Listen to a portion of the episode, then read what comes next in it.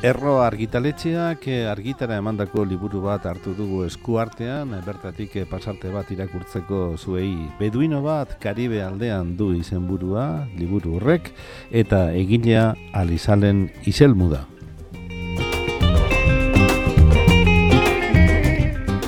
Liburuaren kontrasalean bertako editore onela esaten digute onela orkesten digute liburua Alizalen Iselmu idazlearen luma trebeak sorturiko geita hamar kontakizun labur hauek Saharara garamatzate zuzenean Horrialde hauetan bere bizitzan erabakigarri izan diren gertaerak dakartza gogora idazleak.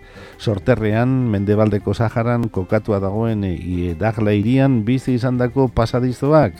Ezinbesteko iesaldia, tindufeko kampamentuetara gero, Kuban aurreta gazte denboran egindako egonaldi luzea eta geroko itzulera, baina bere bizitzaren kronika egiteko baino, Saharar herriaren iragana eta oraina ezagutzera emateko idatzi du liburu hau Alizalen izelmuk.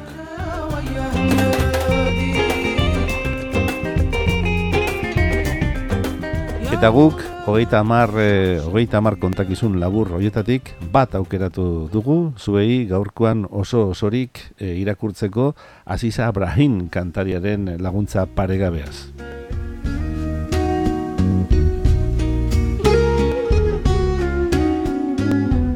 Kontakizunak harri arteko zua du izena eta honela dio. Goizaldeko bostetan bera bizi zen auzoa bombardatzen hasi ziren. Bomben sartadak etxetik gero eta hurbilago entzuten zituen. Beraz ez zuen beste irten biderik guelta zen mur aldeko mendietara ies egitea baino. Mutikotan askotan igoa zen lagunekin mendiaietara, gauez sua egiteko balio zuten harrien bila. Harriak bata besteren gainean ipintzen zituzten, piramide moduko bat osatu arte, eta gero zua pizten zuten barruan. Horrelako zuak oso urrundik ikusten ziren gau ilunetan.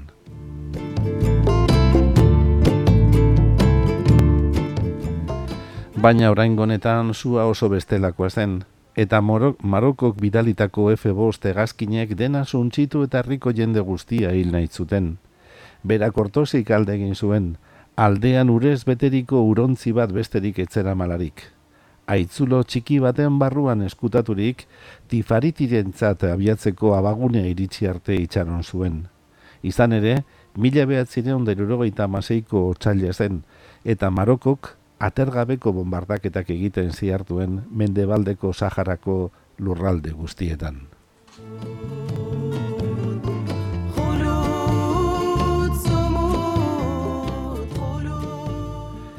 Egun argiz, adi egon zen negazkinak enondik agertuko, eta gauez zibilaldi luzeak egin zituen iparri zarrari jarraikiz, albait lasterren iritsi nahi baitzuen handik eun bat kilometrora zegoen meheritz herrira.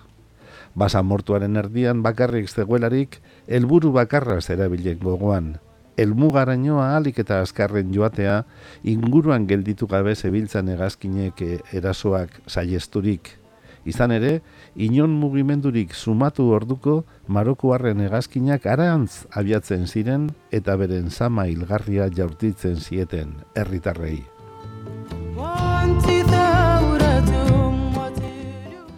Berak eh, askatasuna maite zuen oroz gainetik eta beste herri batean baldin bazen ere aske bizi nahi zuen. Behin betiko galdu nahi zituen biztatik azken egunetan ikusitako irudi apokaliptikoak, beha jotako etxeak, zuak erretako jaimak eta bombek izkalitako gizagorputzak. Lehenbiziko egunetan berrogeita hamar kilometro inguru egin zituen oinez. Egun aurratu zuenean akasi arantzatzu handi baten azpian babestu zuen bere burua. Haren itzalpenea, haren itzalpean eseri zen, bizkarra enborraren kontra bermaturik atxeden pixka bat hartzeko. Gero ur posi bat edan ondoren, turbantea buruko gisako bat egin zuen, e, buruko gisako bat e, turbanteaz, eta lurrean etzan zen, lo egiteko asmoz, bideko nekeak zeharo abaildu utzi baitzuen. Loak bere alaxe hartu zuen, baina ala ere, izuak eta otzikarek bihotza hartu zioten, gogoa odolez eta eriotzaz zipristindua zeukalako oraino. Arratzer arte etzen ezertarako jaiki, zerutik berri zeldu zitzaion egazkinen motorrotxa eta alako batean Land Rover bat bere babeslekuran zurbiltzen ikusi zuen. Jakina bera geldi-geldirik egon zen, zirkinik ere egin gabe inork hauteman ez ezan.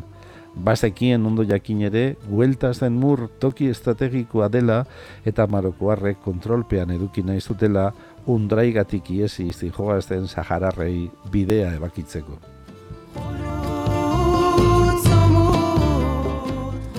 Beraz, ilundu artean txegon zen geldirik, iluna barrean turbanterik eh, bi oial zati urratu eta sandaliak gisara moldatu zituen, oinak odolean zituen eta.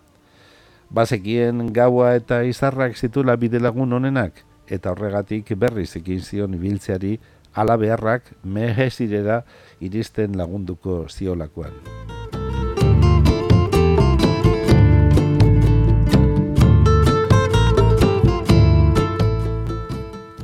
Goizaldeko laurakinian zu txiki bat ikusi zuen urrunean eta arantz abiatu zen. Zuaren inguruan bildutakoak sahararrak izango ziren galdetu zion bere buruari. Errikideak izan ezkero, haiekin tifaritirantz jarraituko zuen agian eta gero muga igaroko zuen. Algeriara makurrik gabe iristea zuen helburu, han bere herrian ositzen ari zen eraso bortitzetatik babestua egongo baitzen. Urbildu ahala, zuaren argia gero eta konfiantza handiagoa ematen zion, eta txikitan lagunekin egin oiz zituen zuen irudia zekarkion gogora orain uste osoa zuen bere salbazioa harri arteko zu txikiari lotua zegokeela. Lehenik berbaro antzun zuen, eta horbilago egon zenean berbak entzun zituen. Poz handia hartu zuen orduan, jasaniaz mintzatzen ari zirela eta hortaz sahararrak zirela oharturik. Hiru gizon, bi emakume eta hiru aur ziren. Ohiko agurren ostean, zubaren ondoan esertzera eta bidaia eurekin batera egitera gonbidatu zuten.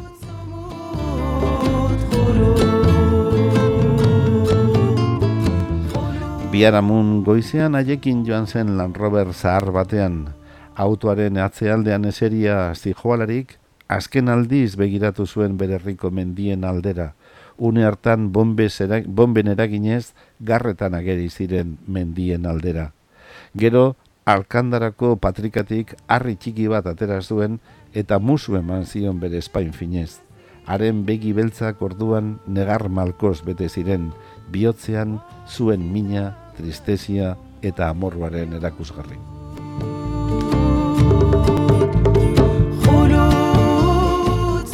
Hauze izan da harri arteko zua, harri arteko zua kontakizuna, Ali Salen izelmu idazle Saharraren beduino bat Karibe aldean liburutik hautatua eta zuentzat irakurria.